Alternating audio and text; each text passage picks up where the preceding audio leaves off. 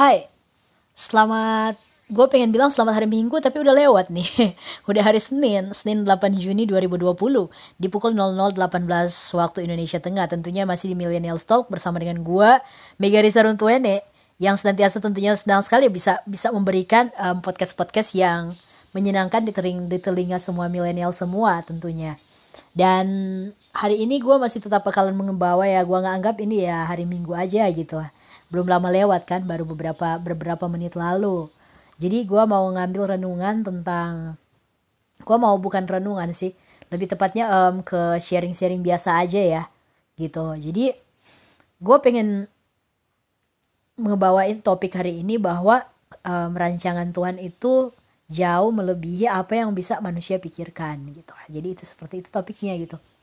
Nah rancangan Tuhan itu jauh melebihi melebihi apa yang bisa manusia pikirkan Nah, kita dalam hidup ini tentunya kita banyak kali mengalami sesuatu hal yang membuat kita bertanya-tanya dalam hidup. Kok ini kita um, kita sudah melakukan, misalnya sudah melakukan segala sesuatunya itu sesuai dengan kata Tuhan. Tuhan misalnya kalau di dalam kekristenan ada 10 perintah Allah. Kita sudah melakukan 10 perintah Allah misalnya.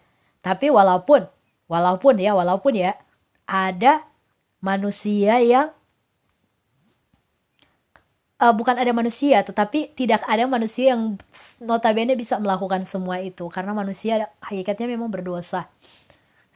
Yang sel selama manusia sejarah manusia ada di bumi ini, tidak ada satupun manusia yang benar-benar bisa melakukan 10 perintah Allah tersebut kecuali yang udah Tuhan angkat hidup-hidup ke surga.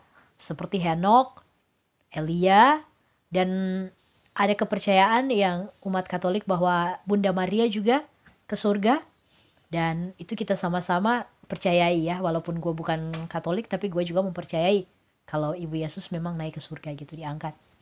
Nah jadi ada Musa ada Elia sama Bunda Maria. Itu orang-orang kudus ya dari kisah Alkitab orang-orang yang tidak bercacat celah. Yang gue bisa artikan bahwa orang-orang yang Tuhan angkat ke surga berarti punya penilaian khusus ya di mata Tuhan gitu. Nah terus um, kita yang manusia selain mereka yang punya penilaian khusus ini yang diangkat Tuhan ke surga, hidup-hidup yang sepertinya memang tanpa cacat celah ya, itu artinya mereka ini mungkin mampu melakukan hukum yang sudah Tuhan berikan kepada Musa. Seperti itu 10 perintah Allah yang kita kenal 10 perintah Allah. Nah, manusia yang umumnya selain mereka yang punya yang punya yang mendapatkan hak khusus tersebut, manusia-manusia yang lain selain dari mereka itu um, semuanya cacat walaupun cacat di satu. Misalnya di perintah pertama atau hanya di perintah ketiga ataupun mungkin lima perintahnya seperti itu. Jadi tidak ada yang bisa melakukan itu dengan sempurna gitu. Nah kemudian um, kita yang punya banyak dosa yang seperti ini kita yang punya banyak dosa yang seperti ini yang sangat sangat sangat berdosa tetapi kita sangat bersyukur hari ini sekalipun kita dengan dosa kita Tuhan itu bukan Tuhan dan Bapa yang otoriter yang serta merta ketika kita melakukan dosa misalnya ketika ketika kita bohong ya. Kan di situ kan dat, um, jangan bersaksi dusta tentang sesamamu. Jadi jangan bohong maksudnya. Nah kalau misalkan kita misalnya bohong gitu nah terus Tuhan langsung dia datang dari surga ya kamu berbohong turun misalnya malaikat. Tuhan tidak seotoriter itu gitu. Jadi kita bersyukur kita punya Bapak yang baik Bapak yang panjang sabar dan bahkan walaupun kita bandel, kita manusia bandel banget loh, bandel banget. Kita sering gak mengerti pekerjaan Tuhan, tapi kita bener-bener bandel banget. Dan walaupun kita sering bandel, sering hilang jalan, sering mengeluh, sering mempertanyakan, sering meragukan, Tuhan, tapi Tuhan itu tetap baik dan panjang sabar kepada kita. Dia benar-benar Bapak yang baik dan bersyukur sekali kita punya Bapak yang luar biasa seperti itu. Nah, gue cuma pengen bilang bahwa um, rancangan Tuhan itu jauh melebihi apa yang bisa kita pikirkan gitu. Jadi seperti ini. Manusia itu kan terbatas ya, seperti gue bilang tadi karena dosanya, bukan cuma karena dosa sih. Karena juga um, kita manusia dan Tuhan pencipta dong. Otomatis ya, pencipta itu jauh lebih berkuasa dari kita gitu, yang cuman ciptaan. Kita tahu posisi kita. Nah, pencipta kita itu tahu segala sesuatu gitu ah. Iya, bahkan alam semesta cuma dijadikan Jadilah ini, jadilah cuma dijadikan dengan firman. Dan terjadilah semua yang kita lihat sekarang. Yang begitu luar biasanya, cuman dengan kata-kata dari Tuhan. Bayangkan seberkuasa apa Tuhan itu. Gitu, sampai segala sesuatu yang kita lihat besar pun, Itu cuman dengan kata-kata Tuhan, cuman dengan firman maka semuanya itu jadi gitu. Nah, kadang-kadang kita yang kecil ini, yang kecil banget ini ya, kita yang kecil banget, manusia yang kecil banget ini, yang dengan otak kita yang kecil banget sebenarnya gitu kan, kita tidak akan mampu memahami pikiran pencipta kita yang besar banget gitu kan. Bukan gue bilang otaknya Tuhan besar, nggak seperti itu. Gue pengen bilang bahwa pemikiran Tuhan itu jauh melebihi dari yang, uh, dunia saja cuman dia katakan loh, yang kita anggap besar banget. Bagaimana Tuhan itu gitu. Jadi itu nggak, maksudnya pikiran kita nggak akan masuk sampai kapan pun di pemikiran Tuhan gitu. Jadi, um, jadi karena itulah kadang-kadang karena saking um, gue pakai bahasa yang cukup ya memang kalau kasar gue minta maaf ya. Tapi ya kayak batasan gue gini, saking dongkolnya kita manusia, saking jongkoknya IQ kita, saking jongkoknya pemikiran kita, saking kerdilnya pemikiran kita, itu kita sering melawan Tuhan karena kita nggak mampu memahami Tuhan. Bodoh banget kita gitu. Kita bodoh sekali karena apa? Kita, gue nggak bilang manusia bodoh ya, tapi gue bilang saking kita nggak bisa memahami rencana Tuhan, kebanyakan kita selalu um, itulah kita marah-marah ke Tuhan kebanyakan kita mengeluh ada yang bilang begini, Tuhan saya sudah melakukan Tuhan. Saya sudah um, rajin sekali baca Alkitab. Saya sudah rajin sekali berdoa. Bahkan kalau di jam doa cuma ada saat teduh sama sebelum tidur. Saya ini satu hari itu saya saat teduh. Udah tiga kali satu kayak makan Tuhan. Sudah pagi saya doa, siang saya doa, malam saya doa pakai penyembahan juga Tuhan. Tuhan, saya juga sudah rajin ke gereja. Sebelum ini saya rajin ke gereja saya rajin memberikan persepuluhan, perpuluhan. Rajin menyumbang Tuhan. Rajin berbuat baik dan saya ikhlas loh Tuhan. Selama ini saya menyumbang gak pernah bilang-bilang ke orang. Pamer-pamer ke orang gitu. Kalau saya lagi menyumbang. Seperti itu. Jadi saya diam-diam aja. Ikhlas banget Tuhan. Sudah melakukan semua perintah Tuhan. Bahkan kalau berdoa saya gak kayak orang munafik. Yang mau ditunjuk-tunjukin ke orang-orang. Saya benar-benar mengikuti semua kata-kata Tuhan. Bahkan saya juga gak sombong saya tidak begini Tuhan, bahkan saya sudah mengikuti hampir semua kata-kata Tuhan. Kok hidup saya begini amat ya Tuhan ya? Gitu. Kenapa Tuhan memberikan cobaan misalnya Tuhan memberikan cobaan yang sebesar ini? Tuhan udah nggak sayang sama saya gitu. Ah itu pertanyaan-pertanyaan manusia. Ketika menghadapi cobaan kayak begitu tuh. Itu akan tetap berpikir seperti itu. Gue ini baik loh. Udah melakukan semua yang Tuhan perintahkan gitu. Bahkan um, dibandingkan, nah setelah itu mulai membanding-bandingkan diri Nah, dibandingkan dengan dia misalnya ya, ada orang lain, misalnya dibandingkan dengan orang lain yang yang cuman hidupnya sembrautan, nggak mengikuti kata Tuhan, kok hidup gua naas sekali gitu. Ha. Ya seperti itulah ya manusia ya. Biasanya kayak begitu sih, biasanya dan gue juga ngalamin. Gue juga sih kayak begitu, jadi ya gue bilang aja gitu. Nah itu manusia ya, itu manusiawi gitu. Dan kemudian akan mengeluh lagi seperti ini lagi, biasanya. Tuhan itu nggak adil banget Ha, sudah mulai mempersalahkan Tuhan seperti itu. Nah, itu akan kelanjutannya ke situ. Tuhan tidak adil. Kenapa? Ini karena kekerdilan manusia ya. Makanya gue bicara ini. Selalu mempersalahkan Tuhan setelah itu. Kenapa dia begitu? Kenapa gue harus mengalami ini? Tidak bisa menerima, tidak bisa menerima proses. Nah, itu dia nih. Itu manusia. Dan gue kayak begitu juga. Jadi gue bilang juga.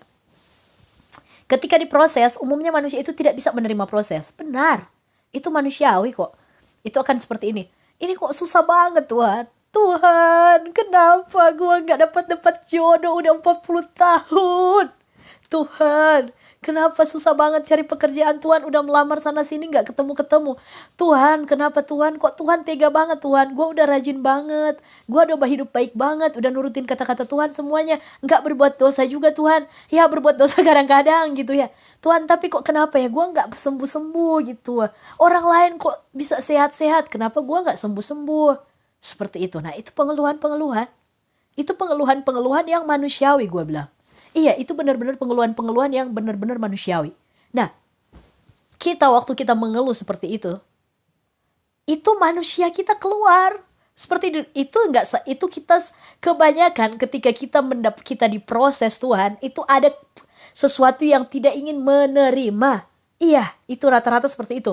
Kita ingat saja Ayub yang Tuhan katakan sangat saleh ya sebelum gue lanjut. Kita ingat Ayub, kisah Ayub yang sangat saleh ini Ayub. Dan bahkan um, Tuhan muji-muji Ayub.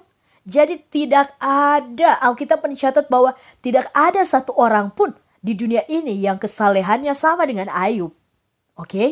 Jadi tidak ada, jadi kitab suci di kitab Ayub jelas di situ Tuhan memuji Ayub. Nah, karena Tuhan ini sering muji-muji Ayub, dia membangga-banggakan Ayub, iblis tahu. Menghadaplah iblis ke Tuhan waktu itu. Iblis bilang apa ke Ayub ke Tuhan gini. Tuhan, Ayub itu bisa jadi takut Tuhan, bisa soleh. Ayub itu bisa seperti itu Tuhan. Karena Tuhan memberikan segalanya ke dia. Gitu. Jadi coba Tuhan ambil segalanya dari Ayub. Kita lihat apakah Ayub ini masih akan memuji Tuhan? Apakah Ayub ini masih akan menyembah Tuhan? Apakah dia masih akan taat ke Tuhan? Apa yang terjadi? Tuhan izinkan. Tetapi Tuhan tahu batas kemampuan dari Ayub ini. Tuhan bilang, oh iya silakan. Tapi Tuhan tahu Ayub mampu melewati itu. Iya, kalau Tuhan tidak tahu, kalau Tuhan tahu Ayub tidak akan mampu melewati itu, maka pasti Tuhan akan larang dong si iblis, eh, stop lu. Pasti kayak begitu ya ada kejadiannya. Tetapi Tuhan apa? Tuhan mengizinkan karena Tuhan tahu Ayub mampu Nah, akhirnya iblis mencobai dia kan. Iblis cobai dia, iblis um, ambil harta bendanya, kemudian keluarganya, anak-anaknya yang lagi berpesta, semuanya tiba-tiba mati, um, harta benda hilang. Kemudian Ayub dikena lagi dengan penyakit apa itu borok-borok dan bahkan uh, penyakit yang um, di kitab Ayub dituliskan bahwa um, sakitnya itu saking dia punya borok yang gatal banget ya. Dia tinggal duduk di tanah, dia berkabung, dia taruh waktu itu dia taruh abu, debu di kepalanya itu tanda perkabungan. Dia taruh debu di kepalanya gitu, terus dia garuk-garuk pakai beling tuh kulitnya. Botol pica kalau orang Manado bilang botol pica. Beling itu aka botol pica. Nah, kalian bisa bayangkan gak penderitaan Ayub? Kalian di sini luka-luka yang se separah apa pun luka di sini nggak ada kan yang pernah garuk sama botol pica ya? Um, beling ya, beling bahasa Indonesianya. Nggak ada di sini yang pernah garuk dengan garuk luka-lukanya itu dengan beling. Tidak pernah ada. Itu kayaknya sadis banget penyakit yang ditimpakan Ayub, iblis ke Ayub itu. Nah, itu atas izin Tuhan. Dan waktu itu Tuhan bahkan istri Ayub sudah berkata ke Ayub gini, Ayub, lu masih ah gue pakai bahasa gue ya. Oke, okay, Ayub, lu masih mau tuh menyembah Tuhan gitu kan? Lu masih mau, lu masih mau percaya sama Tuhan. Dia udah ngebuat kita kayak begini. Kalau kalau misalkan cara perempuan marah kan kalian tahu lah ya, ya gua gua bukan mau nama-namain dari tapi ya kayak gini lah kira-kira ya gua pakai bahasa gua. Istrinya marah. Coba deh Ayub, hujat saja Tuhan, kutuk saja Tuhan dan lu matilah gitu. Ya seperti itu kata kata istrinya gitu. Terus apa kata Ayub ke istrinya? Lu ini gila, lu berkata seperti orang gila, perempuan gila gitu. Istrinya dikatain gila gitu. Ayub ini membela Tuhan. Sekalipun istrinya berkata bahwa kutuk Tuhan dan mati aja lu Yub. Seperti itu Ayub ini tetap teguh. Dia tetap bilang bahwa Tuhan itu baik Walaupun setelah itu di kitab di pasal selanjutnya kita kalau misalkan lu buka kitab Ayub, setelah itu datang pencobaan yang lebih luar biasa lagi dan akhirnya apa? Ayub mengutuk hari kelahirannya. Artinya dia mengeluh pada Tuhan. Tuhan, kenapa ini semua terjadi? Ayub ada di fase kayak kita manusia. Kenapa ini semua harus terjadi Tuhan? Karena Ayub pun manusia biasa sama seperti kita teman-teman kita dia akan bertanya seperti itu. Tuhan, kenapa ini harus terjadi? Saya sudah saleh, sudah melakukan semua perintah Tuhan. Tidak, kalaupun ada cacat ya paling dikit-dikit Tuhan. Kenapa bisa terjadi seperti ini? Kenapa Tuhan ngambil harta kekayaan saya? Kenapa Tuhan ngambil anak-anak saya Tuhan? Kenapa Tuhan ngambil semuanya bahkan kesehatan saya? Bahkan saya menjadi orang yang garuk-garuk menjijikan seperti itu kan. Dari orang terhormat ini jadi menjijikan. Kenapa Tuhan? Kenapa Tuhan? Kenapa? Nah itu pertanyaan kenapa, kenapa, kenapa. Seorang Ayub pun sampai mengutuki hari kelahirannya. Seorang seorang Ayub pun seorang Ayub pun yang saleh yang dipuji-puji Tuhan sampai mengeluh di hadapan Tuhan. Apa yang terjadi dengan kita hari-hari ini adalah manusiawi. Kalau kita hari-hari ini mengalami sama seperti yang dialami Ayub, entah itu dalam kesakitan, entah itu dalam pergumulan hidup, dalam perekonomian kita, dalam kesehatan pergumulan kita, apalagi rumah tangga, macam-macam, dah bahkan di COVID-19 ini, wabah COVID-19 ini. Kita mengeluh semuanya berjalan tidak sesuai dengan perencanaan kita. Kita mengeluh ke Tuhan, kita menyalahkan Tuhan karena Tuhan sepertinya menghambat. Tuhan gak sayang lagi sama kita. Kita sudah melakukan yang terbaik untuk Tuhan. Tetapi seolah-olah Tuhan ini kok nggak ada. Tuhan ini oh kok sepertinya ngebiarin kita gitu. Seolah-olah Tuhan gak peduli sama kita. Seolah-olah Tuhan lepas tangan sama hidup kita. Seolah-olah Tuhan benar-benar menimpakan malapetaka untuk kita. Itu pengeluhan-pengeluhan yang manusiawi. Manusiawi banget. Nah, apa yang terjadi teman-teman? Ternyata Tuhan tidak ingin sebenarnya tidak ingin membuat Ayub demikian. Tuhan ingin memperlihatkan kepada iblis ya bahwa Ayub itu memang saleh sebenarnya. Gitu walaupun Tuhan tidak perlu pengakuan iblis gitu kan. Ngapain juga Tuhan butuh pengakuan iblis. Tetapi iblisnya juga berkata kayak begitu ya karena Tuhan yakin aja kan. Tuhan tahu kemampuan Ayub. Tuhan tahu iman imannya Ayub. Tuhan tahu Ayub akan melewati itu. Tuhan percaya sama Ayub.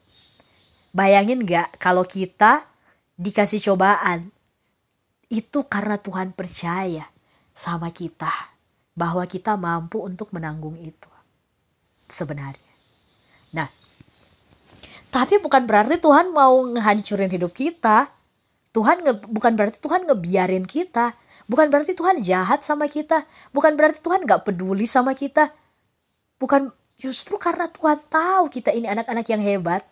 Makanya kita diproses dengan luar biasa seperti itu. Iya, benar. Nah, suatu ketika ketika kita melewati itu. Fase ya. Fase di mana pertama kita memberontak bertanya-tanya.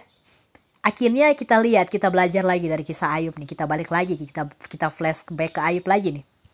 Setelah itu singkat ceritanya ya. Ayub kembali bersyukur kepada Tuhan dan dia minta ampun.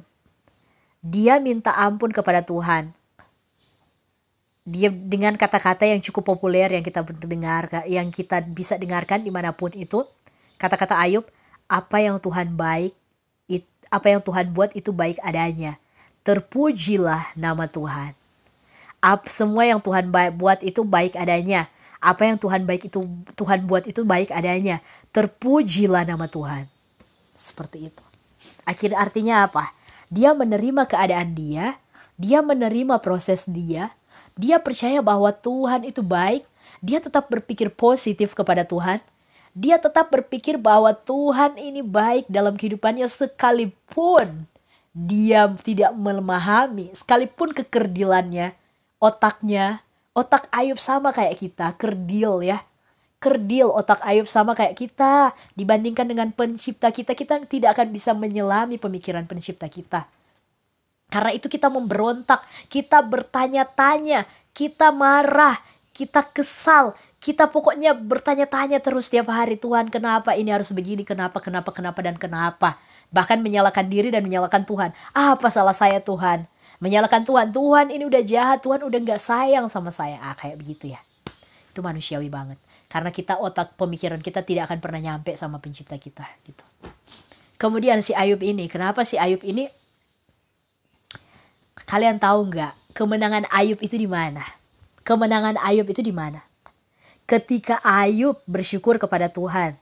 Ketika Ayub menerima proses itu dan berkata bahwa Tuhan itu baik. Terpujilah nama Tuhan. Terpujilah nama Tuhan. Sulit sekali ya di tengah mengalami borok-borok yang um, penyakit yang aneh begitu kan um, gatal-gatal di seluruh badan, kalian pikirkan saja ya. Gatal-gatal di seluruh tubuh, menggaruk dengan beling-beling, dan masih bisa berkata terpujilah nama Tuhan. Terima kasih Tuhan. Terpujilah nama Tuhan. Ampuni Tuhan saya Tuhan. Tuhan tetap baik. Walaupun saya dengan borok-borok seperti ini, Tuhan tetap baik. Kalian tahu nggak kemenangan dia di mana? Ketika dia bersyukur. Ketika dia tetap mempercayai Tuhan. Di tengah proses yang dia alami, dia tetap berpegang kepada Tuhan. Tetap mempercayai Tuhan. Dan tetap percaya bahwa di balik kejadian yang terjadi dalam hidupnya itu, ada rancangan yang luar biasa yang sedang Tuhan siapkan untuk dia. Itu adalah sebuah proses kemenangan Ayub ketika dia bersyukur di hadapan Tuhan. Ketika dia bersyukur di hadapan Tuhan, terpujilah nama Tuhan. Terpujilah nama Tuhan. Nah, teman-teman semua, kita semua pasti pernah mengalami proses dalam hidup dan mungkin sementara di proses Tuhan saat ini. Dan bahkan gue juga sementara di proses Tuhan. Makanya gue um, tertarik banget untuk ngangkat tentang ini karena kita um, gue juga diproses sama Tuhan. Jadi prosesnya juga bukan proses macam-macam. Bukan proses yang biasa-biasa ya. Bukan proses yang main-main. Proses yang pertama itu tahun 2015 gue ditegur Tuhan gue diproses sama Tuhan itu gue dapat satu penyakit ya. Dan penyakit itu um, benar-benar ngerubah hidup gue gitu dari itu tahun 2015 kemudian gue kehilangan ya gue ini orang tipe orang yang sangat sangat mencintai dunia pendidikan. Dan akhirnya karena penyakit itu gue malah nggak um, bisa berfokus lagi ke dunia gue gitu akhirnya setelah gue melewati fase itu Tuhan justru menyatakan mujizat-mujizat yang gak terduga setelah itu gitu. Jadi dulu gue yang selalu gue baru menyengerti sekarang. Gue yang selalu menggunakan kekuatan gue sendiri berpikir bahwa gue bisa melakukan segala sesuatu begitu. Tetapi akhirnya gue belajar mengandalkan Tuhan dan ketika gue mengandalkan Tuhan um, gue melihat banyak mujizat di tengah keterbatasan gue Tuhan mengerjakan mujizat yang begitu banyak gitu. Salah satunya dalam kuliah gue kemudian bisa jadi sarjana dengan cara Tuhan yang begitu ajaib menolong gue gitu. Memakai orang-orang di sekitar gue untuk memberikan pertolongan. Dan itu satu proses yang sangat luar biasa yang gue rasain benar-benar luar biasa dalam hidup gue gitu. Dan gue senang banget ketika Tuhan mengerjakan hal-hal yang luar biasa itu. Walaupun awalnya gue juga merontak seperti teman-teman sekalian gue juga bertanya-tanya ke Tuhan Tuhan kenapa ini harus terjadi dalam hidup gue kenapa Tuhan? Tuhan udah gak sayang lagi ya sama gue gue udah berbuat baik ke Tuhan, ke Tuhan gitu. Gue mengikuti aturan Tuhan. Kenapa Tuhan bisa bisa ngebiarin gue jatuh seperti itu? Gitu. Dan akhirnya Tuhan ngangkat pelan-pelan. Dan prosesnya nggak sampai di situ. Masih diproses. Dan sekarang ini pun gue bicara di, di di pendengaran kalian ini kalian ngedengerin gue bicara gue masih diproses juga sampai sekarang. Dan ketika gue sudah melewati fase-fase proses itu um, gue merasa diri gue lebih kuat iman gue ya yang jadi kuat. Kemudian lebih percaya Tuhan lagi. Dan um, setelah gue ngalamin proses-proses itu gue baru tahu ternyata gue sedang diproses Tuhan gitu. Iya waktu gue ngalamin sementara ngalamin juga sih sekarang tapi sekarang udah paham ya. Udah paham bahwa jalan Tuhan itu um, nggak bisa kita selami. Pemikiran Tuhan nggak ada yang bisa selami. Termasuk gue yang begitu kerdil banget. Jadi um, ketika gue diproses seperti itu gue berpikir bahwa terima kasih Tuhan. Karena ternyata Tuhan percaya gue bisa ngelewatin semua ini. Dan gue yakin ada sesuatu yang sedang Tuhan bentuk dalam hidup gue gitu. Dan hari ini ketika gue bersyukur dengan keberadaan gue gue bersyukur dengan apa pun yang sudah Tuhan lakuin hari ini gue bersyukur terima kasih Tuhan.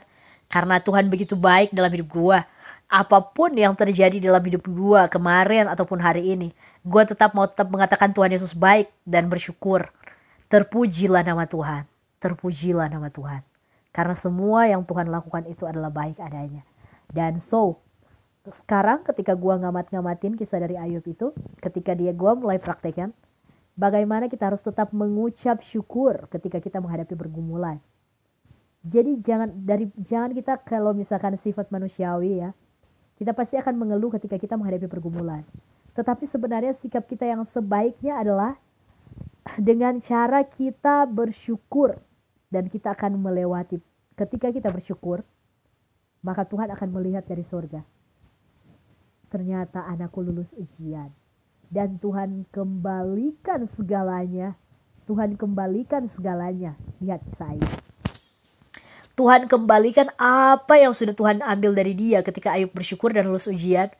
Tuhan kembalikan segala yang sudah iblis curi dari dia atas izin Tuhan tentunya untuk prosesi Ayub ini, untuk menguji Ayub ini. Tuhan kembalikan kekayaan dia berkali-kali lipat. Tuhan kembalikan anak-anak dia. Lahirlah anak-anak yang baru untuk Ayub. Anak-anak yang jauh lebih cantik dan rupawan dari anak-anaknya yang sebelumnya jauh lebih cantik. Itu Alkitab menulis seperti itu. Tuhan menggantikan semua yang Tuhan telah ambil, iblis ambil atas izin Tuhan kepada Ayub dengan sesuatu yang berkali-kali lipat dan terbaik. Tahukah kalian, mungkin saja hari ini Tuhan ketika kalian menghadapi proses di dalam hidup sama seperti gua hari-hari ini. Itu bukan Tuhan bukan karena Tuhan gak sayang sama kalian itu bukan karena Tuhan nggak um, peduli lagi sama kalian. Itu bukan karena Tuhan nggak melihat semua perbuatan yang sudah kalian lakukan, perbuatan-perbuatan yang baik tentunya. Tetapi di situ Tuhan ingin memproses kalian menjadi pribadi yang lebih kuat dan lebih percaya Tuhan. Di situ Tuhan juga ingin, Tuhan memberikan proses itu. Sebenarnya Tuhan percaya sama gua sama lu gitu. Sama gua sama lu. Ketika Tuhan memberikan itu, Tuhan percaya bahwa kita akan melewati itu dengan sangat baik. Kalau misalkan Tuhan kita nggak melewati kalau misalkan Tuhan tahu kita nggak bisa melewati itu ya Tuhan nggak akan proses kita dengan itu gitu. Tapi sebenarnya Tuhan percaya kita bisa ngelewatin itu. Jadi jangan kita menyia-nyiakan kepercayaan Tuhan ke kita yang sudah ngizinin proses dalam hidup kita dengan cara kita mengeluh dan bertanya ke Tuhan gitu. Dengan cara kita mempersalahkan Tuhan lagi. Jangan otak kita terlalu dongkol untuk itu. Jangan kita nggak akan pernah menyelami pemikiran Allah gitu kita ketika dapatkan proses kita harus berpikir bahwa Tuhan percaya. Kita bisa melewati itu makanya itu diizinkan hadir dalam hidup kita. Untuk memproses kita dan untuk menguji kita. Kita harus lolos dengan cara apa? Mau lolos secepatnya enggak? Waktu Tuhan pasti yang terbaik ya. Tetapi mau lolos ujian kan? Ayo bersyukur dengan sepenuh hati. Katakan terpujilah nama Tuhan. Ketika bisnismu bangkrut karena COVID-19 katakan terpujilah nama Tuhan Ketika istrimu atau suamimu meninggalkan engkau karena pelakor atau pebikor, katakan terpujilah nama Tuhan. Ketika anak-anakmu membantah engkau, membangkang engkau, katakan terpujilah nama Tuhan. Ketika engkau difitnah di dalam pekerjaanmu, katakan terpujilah nama Tuhan. Ketika engkau mengalami sakit penyakit yang gak sembuh-sembuh sudah berobat ke mana-mana, katakan terpujilah nama Tuhan. Ketika engkau mengalami satu permasalahan yang seolah-olah orang tidak akan mengerti, tidak akan paham dengan kondisimu saat ini, dan kamu sendiri mungkin tidak memahami kondisimu saat ini, katakan terpujilah nama Tuhan. Ketika keadaan tidak baik dan ketika engkau ingin menyalahkan Tuhan karena keadaan itu, katakan terpujilah nama Tuhan. Seolah-olah Tuhan tidak memberikan bantuan kepadamu, tetap katakan terpujilah nama Tuhan. Di situlah engkau akan melihat mujizat akan terjadi dalam hidupmu. Di situlah engkau akan melihat kemenangan akan terjadi atas hidupmu. Di situlah engkau akan melihat lawatan Tuhan akan terjadi atas hidupmu. Di situlah engkau akan melihat bagaimana Tuhan akan membangkitkan imanmu. Di situlah engkau akan melihat bagaimana Tuhan akan menjadikan engkau manusia yang lebih baru lagi. Manusia rohani yang semakin tumbuh, semakin dewasa iman, semakin percaya Tuhan, semakin berbuah, dan semakin kuat dan berakar di dalam Kristus. Karena itu, kalau hari-hari ini kita mengalami pergumulan yang cukup berat, katakan terpujilah nama Tuhan. Covid nggak hilang-hilang, katakan terpujilah nama Tuhan. Segala sesuatu yang nggak baik datang dalam hidup kita nggak mengenakan, menguras emosi, terpujilah nama Tuhan. Seperti itu. Jadi Tuhan menginginkan kita untuk selalu walaupun kita nggak akan paham. Ya ah, udah pasti lah ya kita nggak akan paham. Toh kita juga manusia yang kecil banget. Udah gue bilang tadi kan, IQ kita itu kok gimana? Gimana besar sih IQ kita? Gitu bisa memahami pencipta yang menciptakan dunia ini bahkan hanya dengan kata-kata. Berfirmanlah Tuhan jadilah ini jadilah ini dan semua itu jadi. Kita bisa memahami nggak itu? Berfirman Tuhan menciptakan alam semesta yang sebesar ini dengan kata-kata aja pasti kita bingung kelabakan kan aduh gimana caranya itu? Gitu. Ah, pasti kayak begitu kita. Nah bagaimana kita yang sekecil ini pemikiran kita mau memahami apa yang sedang terjadi dalam hidup kita nggak akan mungkin lah ya ingat dalam hidup ini, Allah mencintai proses bukan hasil. Jadi, so, kalau Anda di proses hari ini bersyukurlah karena Tuhan percaya lu mampu ngadapin itu. Dan dia sedang mempersiapkan sesuatu yang luar biasa di depanmu. Jadi selalu katakan, terpujilah nama Tuhan. Terpujilah nama Tuhan. Seperti Ayub, terpujilah nama Tuhan. Katakan dengan sepenuh hati, bersyukur dengan keadaanmu saat ini. Bersyukur, bersyukur. Bersyukur, bersyukur, bersyukurlah, bersyukur karena kasih setiamu. Ku sembah, ku sembah, ku sembah dan ku sembah selama hidupku. Ku sembah kau Tuhan. Guys, anaknya yang tunggal aja dia berikan untuk kita. Yesus aja mati untuk kita. Masa sih Tuhan mau ngambil sesuatu yang baik dari hidup kita? nyawa anaknya saja diberikan loh untuk kita gitu kita yang harusnya mati digantikan masa sih Tuhan mau ngambil yang baik-baik dari kita emang Tuhan kurang kerjaan banget ya mau ngambil yang baik-baik dalam hidup kita eh Tuhan gak seperti itu itu proses itu proses loh itu proses sadari itu proses just proses lu dipercaya Tuhan untuk melewati itu lu dipercayai Tuhan makanya itu bisa ada dalam hidup lu gitu berbanggalah ketika proses itu gitu besar dalam hidup lu. Tuhan percaya lu mampu ngelewatin itu gitu. So, terpujilah nama Tuhan. Malam hari ini mari kita tundukkan kepala, kita mau berdoa untuk gue mau berdoa untuk semua yang mendengarkan ini sekaligus untuk diri gue sendiri. Karena gue yakin firman Tuhan itu seperti pedang bermata dua. Jadi gue bicara, kena di gue, kena di lu juga gitu. Jadi sama-sama kita saling membangun ya. Gitu. Mari kita tundukkan kepala, kita setelah permintaan doa, kita berdoa. Bapa di sorga, kami bersyukur Tuhan untuk taburan firman Tuhan yang sudah Engkau Tuhan berikan di dalam setiap hati-hati kami. Biarlah setiap firman Tuhan tadi Tuhan boleh jatuh di tanah hati yang subur. Dan kami boleh mempercayai Tuhan bahwa kami mengamenkan bahwa setiap pergumulan yang Tuhan izinkan terjadi di dalam kehidupan kami itu merupakan bentuk kepercayaan Tuhan bahwa kami bisa melalui setiap proses itu untuk menjadikan kami lebih dewasa iman. Terima kasih Tuhan. Kami walaupun tidak mudah, tetapi kami mau berkata, dalam situasi apa pun, terpujilah nama Tuhan. Karena Tuhan itu baik. Kami percaya Tuhan itu baik. Dan otak kami yang kecil ini tidak akan pernah mampu memahami Tuhan. Tapi dengan iman kami, kami sangat mampu untuk memahami Tuhan. Karena itu hari ini kami mau perkatakan dengan iman. Terpujilah nama Tuhan. Untuk COVID-19 yang ada di Indonesia masih ada hari-hari ini, terpujilah nama Tuhan. Kami orang percaya kami percaya dengan darah anak domba Allah. Dengan darah anak domba Allah. Dengan darah anak domba Allah. Vaksin kami adalah darah anak domba Allah. Kami percaya di dalam nama Tuhan Yesus Kristus. Tidak ada satupun kuasa yang lebih besar dari kuasa darah anak domba Allah. Saat ini kami percaya, kami imani, orang-orang percaya di seluruh Indonesia ini Tuhan tutup bungkus dengan darah anak domba Allah. Semakin Tuhan perkuat iman kami menghadapi tatanan new baru, new normal. Segala sesuatu dialihkan by digital. Dan kami percaya bahwa ketika dunia dialihkan ke by digital akan ada perubahan-perubahan yang begitu mendasar. Tetapi sekali lagi kami mau berkata dengan iman kami, terpujilah nama Tuhan. Walaupun kekerdilan otak kami tidak akan paham, dengan iman kami yang begitu besar kepada Tuhan kami akan berkata terpujilah nama Tuhan. Karena itu kami sungguh yakin kami percaya dan kami imani Tuhan hari ini Engkau akan mencurahkan kuasamu di dalam kehidupan kami. Engkau akan memberkati kami begitu luar biasa mulai hari ini. Engkau akan memperkuat kami. Engkau akan memperlengkapi kami dengan segala perlengkapan senjata Allah. Dan kami dapat mengadakan perlawanan pada hari-hari yang jahat ini Tuhan.